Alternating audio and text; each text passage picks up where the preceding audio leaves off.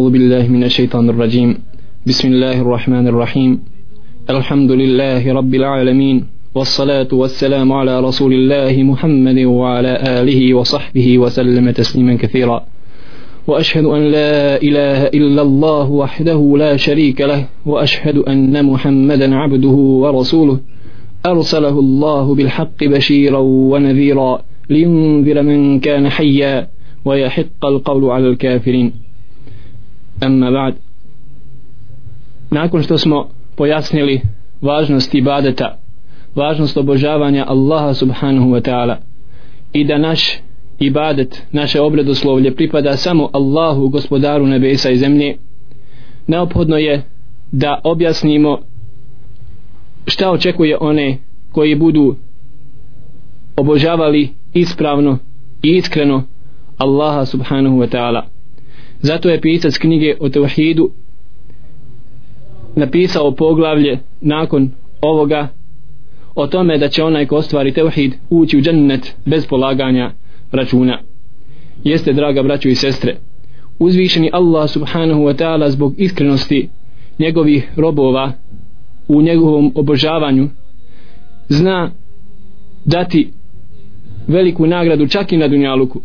Tako da kažu islamski učenjaci Allah subhanahu wa ta'ala zbog tevhida zbog iskrenog obožavanja Allaha subhanahu wa ta'ala sačuva njegova roba u određenim situacijama a kako i ne bi pa poslušajte šta kaže uzvišeni Allah subhanahu wa ta'ala za jednoga svoga roba ولقد همت به وهم بها لولا أن رأى برهان ربه i ona je poželila njega i on je poželio nju da nije vidio dokaz od Allaha subhanahu wa ta'ala jeste? Ovo je bio slučaj sa Jusufom alaihi salam. Pa ga je uzvišeni Allah subhanahu wa ta'ala od njenih spletki sačuvao na taj način što mu je pokazao dokaz koji je bio uzrokom da on ostavi i da se sustegne od bluda sa ovom ženom. A zbog čega to?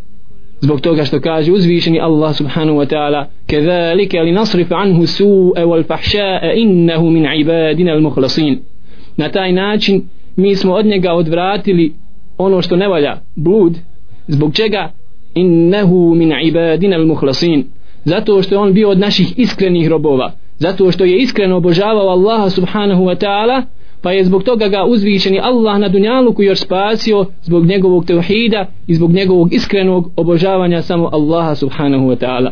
Zato kažu islamski učenjaci nagrada za iskreno obožavanje Allaha očekuje čovjeka na dunjaluku prije nego na ahiretu. I kaže uzvišeni Allah subhanahu wa ta'ala o Ibrahimu alaihi salam koji je simbol monoteizma koji je simbol tevhida jednoće Allahu subhanahu wa ta'ala إن إبراهيم كان أمة قانتا لله حنيفا ولم يكن من المشركين doista je Ibrahim alaihi salam bio imam bio je vođa narodu i bio je ustrajan u obožavanju Allaha i u pokornosti njemu i bio je čist od širka hanif walam yaku min al mushrikin i nije ni jednog jedinog trenutka bio mušik Allahu subhanahu wa ta'ala. Ovako uzvišeni Allah subhanahu wa ta'ala pohvaljuje svoga roba Ibrahima alaihi salam koji je bio simbol monoteizma simbol čiste čistog ispovjedanja vjere Islama Allahu subhanahu wa ta'ala. Zbog toga što je Ibrahim alaihi salam odmah se pokorio Allahu jalla še'nu kada mu je naredio إذ قال له ربه أسلم قال أسلمت لرب العالمين kada je njemu njegov gospodar rekao pokori se, budi musliman rekao ja se pokoravam gospodaru nebesa i zemlje jeste draga braćo i sestre ovako je Ibrahim alaihi salam postigao vojstvo na Dunjaluku zbog čega? zbog toga što se strpio i zbog toga što je bio u Allahove ajete ubijeđen kako kaže uzvišeni Allah subhanahu wa ta'ala وجعلنا منهم أئمة يهدون بأمرنا لما صبروا وكانوا بآياتنا يوقنون i mi smo ih učinili imamima, vođama koji su išli našim putem onda kada su bili strpljivi i kada su u naše ajete čvrsto vjerovali ovo su dva uslova za onoga ko hoće slavu na dunjaluku a to je da se mora strpiti na Allahom subhanahu wa ta'ala putu i mora biti ubijeđen u Allahove subhanahu wa ta'ala ajete ovako je Ibrahim a.s.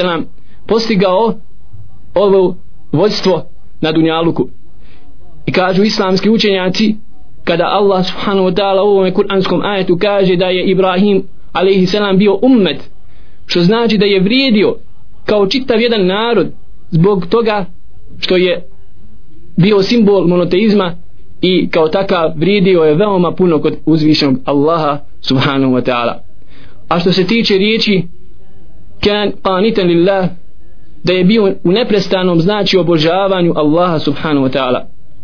Kako kaže uzvišeni Allah amman huwa qanitun ana al-layli sajidan wa qa'ima yahdharu al-akhirah wa yarju rahmat rabbi. Zar je isti onaj koji neprestano u noći u zadnjoj trećini noći kada niko ne ustaje Allahu subhanahu wa ta'ala u ibadet. Zar isti onaj koji ovako u neprestanom ibadetu obožavanju Allaha provodi noći na seždi i na kijamu bojeći se kazne na ahiretu i želeći milost džennet od Allaha subhanahu wa ta'ala zar isti onaj koji ovako radi i onaj koji to ne čini? E ovako je Allah subhanahu wa ta'ala opisao Ibrahima alaihi salam da je bio u neprestanom obožavanju i neprestanoj pokornosti Allahu subhanahu wa ta'ala. I na mnogo mjesta uzvišeni Allah je opisao Ibrahima alaihi salam da je bio hanif. A šta znači hanif? Hanif znači da je bio čist od širka. Da nikada nije ni u jednom momentu težio širku ili osjetio nešto u svome srcu ljubav prema tome a kamo li ne do Allah subhanahu wa ta'ala da je bio mušik da nas Allah subhanahu wa ta'ala sačuva toga. I tako uzvišeni Allah potvrđuje i kaže volem jeku minal mušikin i zasigurno ni u jednom momentu nije bio Ibrahim alihi salam mušik Allahu dolašanu nije bio idolopoklonik zato je uzvišeni Allah subhanahu wa ta'ala odlikovao Ibrahima alihi salam do te mjere da ga je uzeo sebi za prisnog prijatelja kao što je uzeo također Muhammeda sallallahu alaihi wasallam za prisnog prijatelja.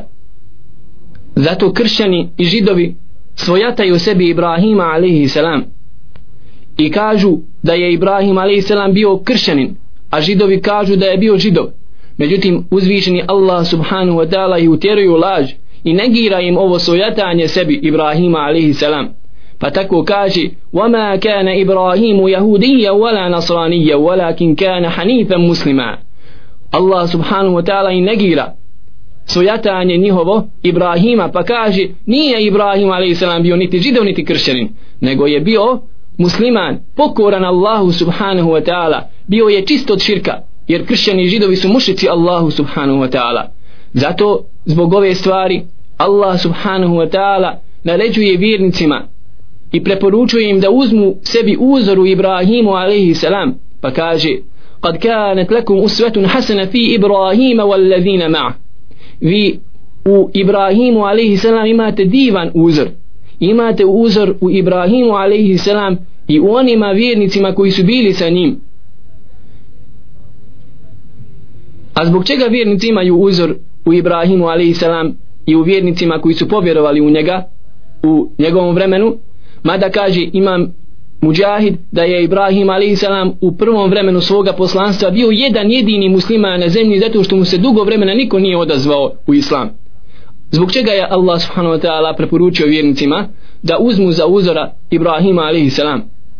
إذ قالوا لقومهم إنا براء منكم ومما تعبدون من دون الله kaže uzvišeni Allah kada je on Ibrahim alaihi salam zajedno sa svojim pristalicama rekao svome narodu mi smo čisti i mi se ograđujemo od vas i od onoga što vi obožavate mimo Allaha subhanu wa ta'ala keferna bikum mi vas negiramo i niječimo mi smo nevjernici u ono što vi vjerujete وبدا بيننا وبينكم العداوة والبغضاء أبدا حتى تؤمنوا بالله وحده i onda su obznanili svoj pravac u svom vjerovanju između nas i vas rekao je Ibrahim alaihi salam svome narodu.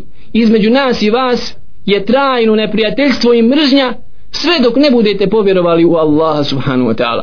Zato draga braćo i sestre nije dovoljno samo vjerovati u Allaha želešenu nego neophodno je zanegirati sva druga božanstva mimo Allaha Đalešanu i mrziti to i one koji slijedi druga božanstva mimo Allaha Đalešanu do te mjere da je Allahu poslanik sallallahu alaihi wasallam stavio da su vjernici koji mrze u ime Allaha i vole u ime Allaha potpunog imana.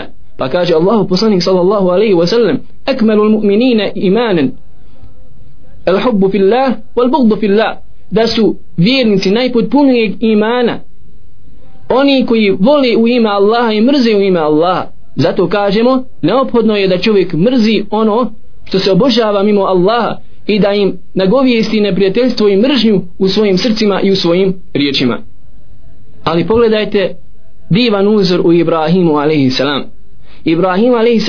kako se obhodio sa svojim babom babom Azerom koji ne samo da je obožavao kipove mimo Allaha želešanu čak ih je i pravio i prodavao međutim to nije bila zapreka da Ibrahim a.s. na jedan izuzetno lijep način se obrati svome babi zato kaže uzvišeni Allah subhanahu wa ta'ala واذكر في الكتاب إبراهيم إنه كان صديقا نبيا ti spomeni u knjigi Ibrahima doista je on bio izuzetno iskren insan izuzetno iskren insan u svom vjerovanju i bio je poslanik إذ قال لأبيه يا أبتي لما تعبد ما لا يسمع ولا يبصر ولا يغني عنك شيئا kada je on rekao svome babi pazite draga braćo i sestre kako se obratio svome babi koji je bio mušik Allahu subhanahu wa ta'ala ja ebeti o babuka o babice ovakvim izrazom u arapskom jeziku uzvišeni Allah subhanahu wa ta'ala mi plenio kako se obratio Ibrahim a.s. na jedan lijep, ljupak način da u milostivi svoga babu ja ebeti o babuka moj, o babice, zašto obožavaš ono što niti čuje, niti vidi, niti može ti kakvu štetu odnijet, odagnati od tebe ili kakvu korist pridodati. Zato, draga braćo, iz ovog se uzima dokaz veličine i dobročinstva prema svojim roditeljima i da je obaveza vjerniku i vjernici da čini dobročinstvo svojim roditeljima pa makar oni bili mušici, makar bili nevjernici u Allaha ali im nije se naravno nije im dozvoljeno da se pokoravaju svojim roditeljima u onome gdje će pogriješiti Allahu ili poslaniku zato što je Allahu poslanik sallallahu alaihi wasallam rekao da nema pokornosti stvorenju u griješenju gospodaru Allahu subhanahu wa ta'ala. i onda je uzvišeni Allah subhanahu wa ta'ala u, kome, u kontekstu opisa vjernika u suri Al-Mu'minun o njihovim najprisnijim osobinama rekao والذين هم بربهم لا يشركون i oni koji svome gospodaru ništa ravno ne smatraju ovako uzvišeni Allah subhanahu wa ta'ala je pohvalio vjernike i stavio njihovu najprisniju osobinu jeste da oni ne čine širk ne čili idolopoklonstvo i ništa ne smatraju ravno Allahu subhanahu wa ta'ala a nakon toga pisac knjige u Tawhidu kaže an Husayn ibn Abdirrahman قال كنت عند سعيد بن جبير فقال أيكم رأى الكوكب الذي انقضى البارحة od Husajna ibn Abdurrahmana rahimahullah prenosi se da je rekao bio sam kod Said ibn Jubeira Said ibn Jubeir je jedan od tabiina poznat imam haditha u svome vremenu koji je bio jedan od najvećih učenika Ibn Abbas radijallahu ta'ala anhuma. A Ibn Abbas poznat kao terđumanul Kur'an kao najbolji poznavalac Kur'ana i Amidžić Allahu poslanika sallallahu alaihi wasallam jedan među odabranim ashabima. E ovaj Husayn ibn Abdurrahman također tabi'in došao je kod Sejid ibn Džubeira pa mu je rekao pa je rekao Sejid ibn Džubeir أيكم رأى الكوكب الذي انقضى البارحة؟ كوي ود باس فيديو سينوش متاور كوي سروشيو سسنبا فقلت أنا فركا حسين يا فيديو سمع سينوش كاكو يا يباو متاور سنبا ثم قلت أما إني لم أكن في صلاة. فسمون دركا وكاجي وضعي حسين رحمة الله عليه علي بازي يعني سنبيو نماز إذا هو دراجة براتشو يسستري uzimamo vrijednost tabiina Husain radijal rahmetullahi alej je rekao Saidu treba da znaš da to što sam vidio sinoć zvijezdu nije zbog toga što sam ustao na noćni namaz. Znači nije htio Husain rahimahullah da misli o njemu ovaj tabin Sa'id kako je on možda sinoć klanjao namaz pa je vidio kako je pala zvijezda. Nego je htio da mu kaže da ne misli o njemu nešto što on nema pri sebi ali mu je onda objasnio zbog čega sinoć je proveo noć bdijući. Zbog čega čitavu noć nije spavao. Walakinni ludikt međutim ujela me zmija ili akrep odnosno škorpion. Pa je upitao Sejid ibn Džubeir fema sanat šta si uradio kada te ujela zmija? Kultu irtaqajt pa sam rekao kaže Husain rekao sam da sam učio Kur'an kao lijek učio je rukiju znači šerijatski dozvoljen način liječenja Kur'anu gdje čovjek uči Kur'an bilo koji dio iz Kur'ana i Allah subhanahu wa ta'ala mu pomogne zbog veričeta Kur'ana. Kale fema hamelake ala zalik? Pa kada je čuo Sejid ibn Džubir od ovoga tabiina da je učio Kur'an zbog toga što ga je zmija ujela pitao ga zbog čega si to radio? Pogledajte draga braćo i sestre pitao ga je zbog čega si to radio. Zato što ovo ova stvar u vjeri mora imati dokaz. Iz ovog islamski učenjaci uzimaju dokaz da nije dozvoljeno ništa u ovoj našoj vjeri raditi bez dokaza. Pogotovo kada je stvar u ibadeta. Jer vi znate da u ibadetima nije dozvoljeno raditi ništa drugo osim što je radio Allahu poslanik sallallahu alaihi wa sallam. Zato kaže Abdullah ibn Mubarak rahimahullah jedan od tabiina koji je godinu dana bio u džihadu na Allahovom putu a drugu godinu bi išao na hađ e on kaže senedu min din. Sened lanac haditha je od vjeri fanzuru min men ta'khudhu dinakum. Zato pazite od koga vi uzimate svoju vjeru. Jer da nije draga braćo traženja dokaza u vjeri onda bi mogao da kaže u ovoj vjeri ko bi htio šta bi htio. Međutim u ovoj vjeri ne može se pričati ništa bez dokaza a dokaz je Kur'an kao Allahova knjiga i čisti sunnet Allahu poslanika sallallahu alaihi wa sallam.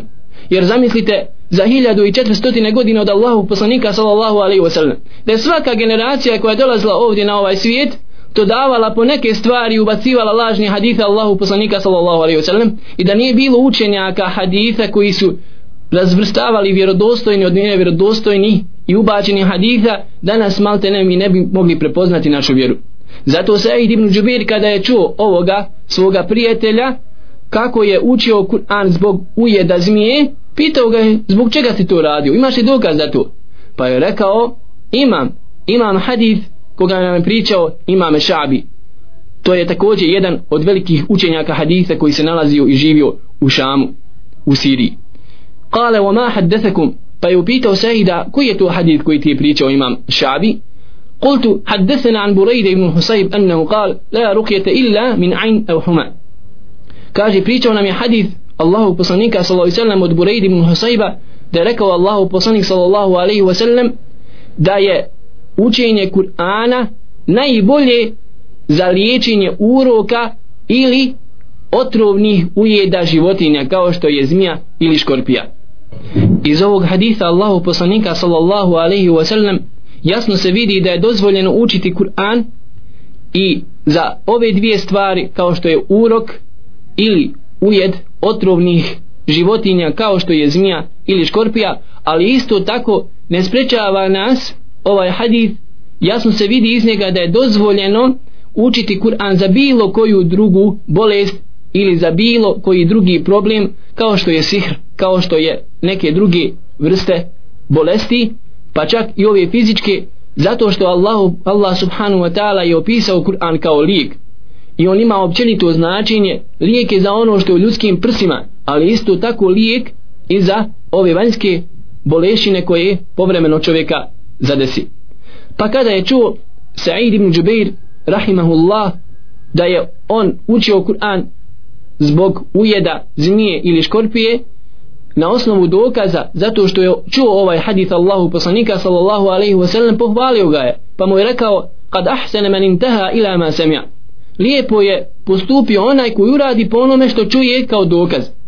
Jer opet ponavljamo draga braću i sestre u ovoj vjeri je veoma veoma bitno da čovjek radi sa dokazom da zna zašto nešto radi.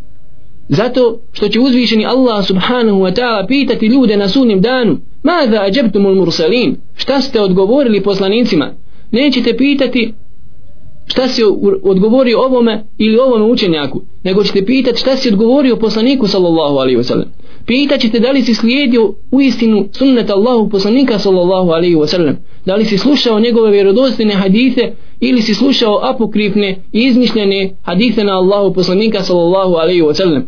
Zato je neophodno da čovjek vodi računa kada je u pitanju njegova vjera i da ne radi u svojim ibadetima bilo šta osim onoga što je došlo u vjerodostojnom sunnetu Allahu poslanika sallallahu alaihi wasallam sačuvan u našim vjerodostojnim knjigama. Na prvom mjestu knjiga Sahihul Bukhari i Sahihul Muslim poznate vjerodostojne zbirke haditha kod ehli sunnata wal jamaa a nakon toga poznati suneni zatim musnedi i ostale grupacije grupe knjiga gdje su islamski učenjaci sačuvali sunnet Allahu poslanika Muhammeda sallallahu alaihi wa sallam pa kada je čuo Sa'id postupak Husajna i ovaj hadith Allahu poslanika sallallahu alaihi wa sallam rekao je dobro ولكن حدثنا ابن عباس عن النبي صلى الله عليه وسلم أنه قال međutim ima hadith ko nam je pričao koga nam je pričao Ibn Abbas od poslanika sallallahu alaihi wa sallam da je rekao Oridat alejjel umem bilo mi je predočeno kaže Allahu poslanik sallallahu alaihi wa sallam veliki broj naroda. Kažu islamski učenjaci postoji mogućnost da je ovo vidio Allahu poslanik sallallahu alaihi wa sallam na mi'arađu kada je bio a postoji mogućnost da je vidio u snu. A mi znamo da su snovi Allahu, Allahu i poslanika istina i da i ne može šeitan doći. Pa kaže Allahu poslanik sallallahu alaihi wa sallam predočeni su mi narodi. Fara'eitu nabije wa ma'ahu rehd pa sam vidio poslanika a sa njim je bila mala grupica. Bila je grupa manja od deset ljudi. Wan nabije wa ma'ahu rajul war rajulani pa sam vidio poslanika a sa njim je samo bio jedan ili dva poslani, dva, jedan ili dva čovjeka. Wan nabije wa lejse ma'u ahad. Pa sam vidio poslanika sa kome nije bio ni jedan jedini pristalica. Jeste draga braćo i sestre zamislite poslanik kome je dolazila objava od Allaha subhanahu wa ta'ala doći će na sudni dan a sa njim neće biti ni jedan jedini pristalica. Nikom od njegovog naroda od čitavog njegovog sela ili grada ili područja gdje se pojavio nikomu neće se odazvati u vjeru od prethodnih poslanika. Tako da će doći na sudni dan sam jedan jedini. Pa ako je ovo se dešavalo Allahovom poslaniku kome je dolazila objava od prethodnih poslanika šta je tek sa nama draga braćo? Zato danas čovjeka ne treba da razočara mnoštvo kufra mnoštvo nevjerovanja. Većina ljudi koji su u neznanju daleko od Allahove subhanahu wa ta'ala vjeri daleko u gafletu totalnom nemaru od vjeri Allaha subhanahu wa ta'ala zato ne treba se razočarati. I ne treba čovjek da kloni duhom. I treba da zna da je uvijek na svakom mjestu u Kur'anu i u sunnetu Allahu poslanika sallallahu alaihi wa sallam većina je došla pokuđeno. Većina je došla pokuđeno što znači da će većina uvijek biti na zabludi i u dalaletu i kufru nevjerovanju daleko od Allaha subhanahu wa ta'ala. I kaže uzvišeni Allah wa in tuti akthar man fil ardi yudilluka an sabilillah. I ako se ti budeš pokoravao i budeš slušao većinu ljudi otičeš u zabludu. Zato čovjek ne treba da gleda na većinu gdje je većina nego treba da gleda gdje je Allah subhanahu wa ta'ala šta hoće uzvišeni Allah da ide putem kome je zacrtao Allahu poslanik sallallahu alaihi wa sallam. Pa kaže Allahu poslanik sallallahu alaihi wa sallam iz rufi alihi sevadun azim. I onda vidio sam u daljini veliki oblak ljudi veliki oblak koji je pokazivao i ukazivao da se približava veliki broj ljudi prema meni. Pa kaže Allahu poslanik sallallahu alaihi wa sallam da je vidio na horizontu veliki oblak koji je ukazivao da se približava veliki broj ljudi prema njemu. Fa zanentu annahum ummeti pa kaže Allah poslanik sallallahu alejhi ve sellem pomislio sam da je to moj ummet. Fa qila li hada Musa wa qawmu. Pa mi je rečeno ovo je Musa i njegov narod njegovi sledbenici iz ovoga uzima se dokaz vrijednosti Musa alaihi selam i sledbenika njegovih.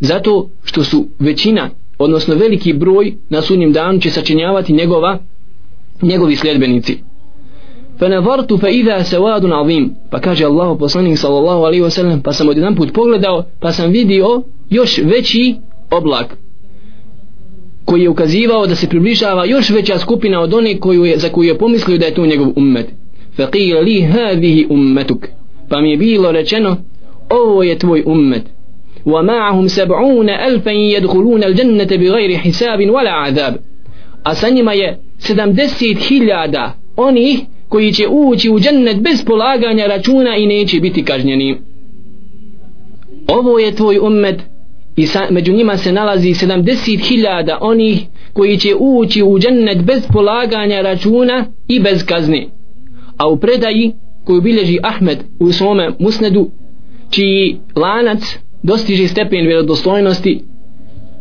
da je dobar kaže Allahu poslanik sallallahu alaihi wa sallam sa svakim na svaki od ovih hiljadu ljudi koji će ući u džennet ovako nalazi se 70.000 drugih od ummeta Muhammeda sallallahu alaihi wa sallam.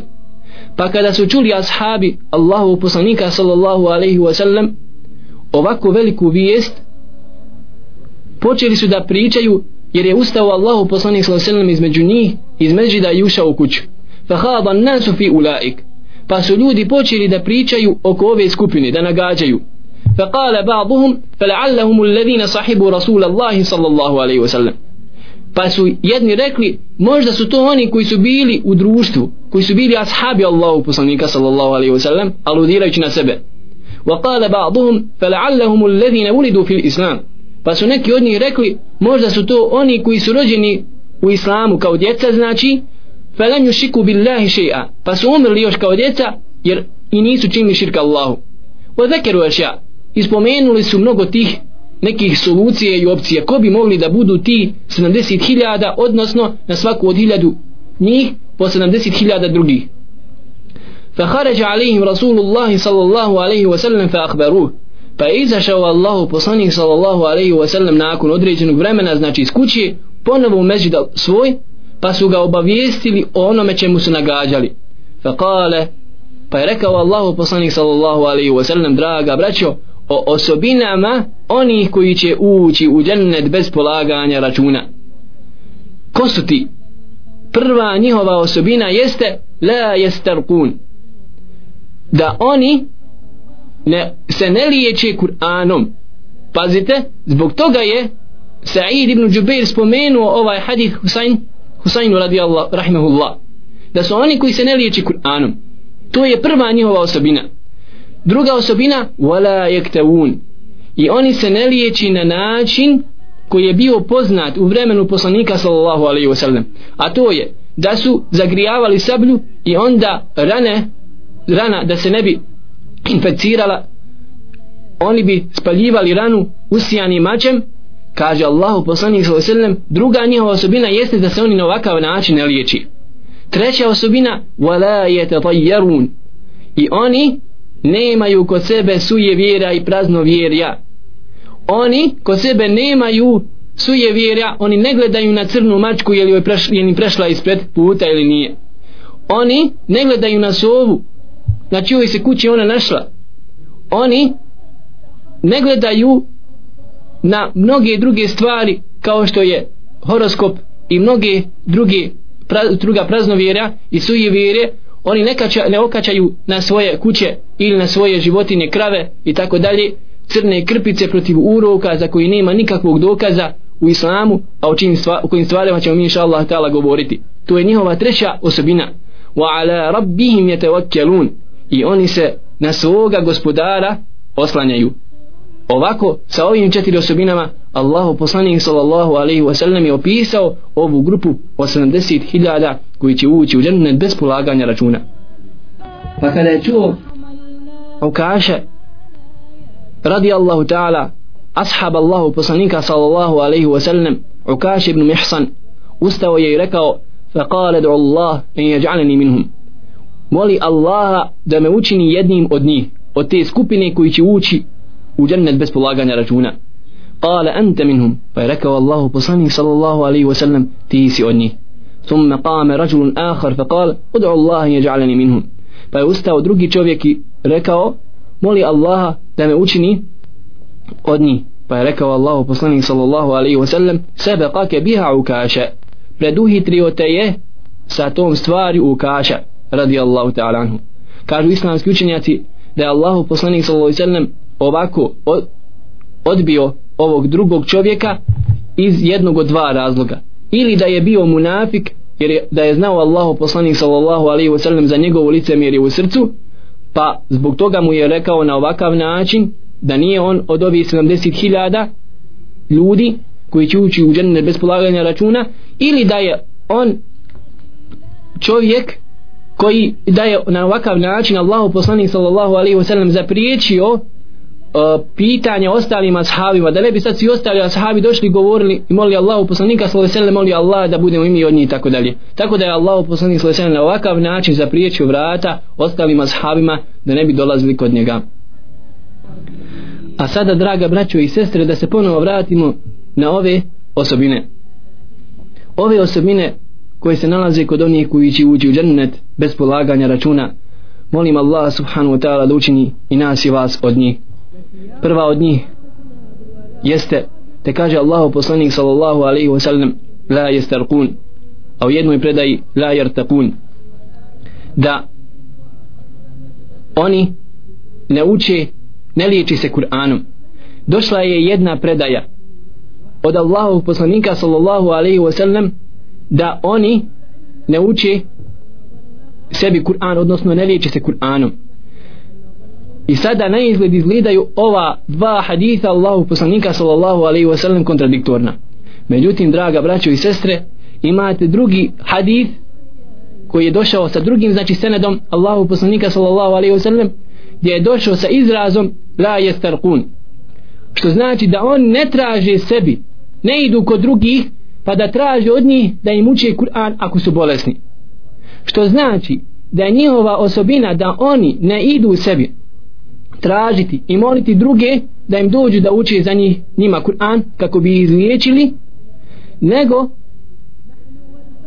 dozvoljeno ispadne iz ovoga da on sam sebi može učiti Kur'an kako je Allahu poslanik sallallahu alaihi wa sallam jasno to radio kako se može vidjeti u jasnim hadisima ko se nalazi u Sahih Buhari u poglavlju koji govori o rukjama učenju Kur'ana ili da neko drugi odi nekome pa da ga zamoli da dođe kod tog brata ili sestre pa da ga liči Kur'anom. Što znači njihova osobina jeste da oni ne moli za sebe. A zbog čega to? Zbog toga draga braćo što u ovom traženju jeste vid poniž da mi uči Kur'an onda je to vid poniženja a poniženje ne smije biti nikome drugome mimo Allahu subhanu wa ta'ala. Iz ovoga draga braćo i sestre veoma je bitno da čovjek ima na umu jednu stvar a to je da mora imati jedno fino ubjeđenje kada odlazi kod samoga doktora da se liječi.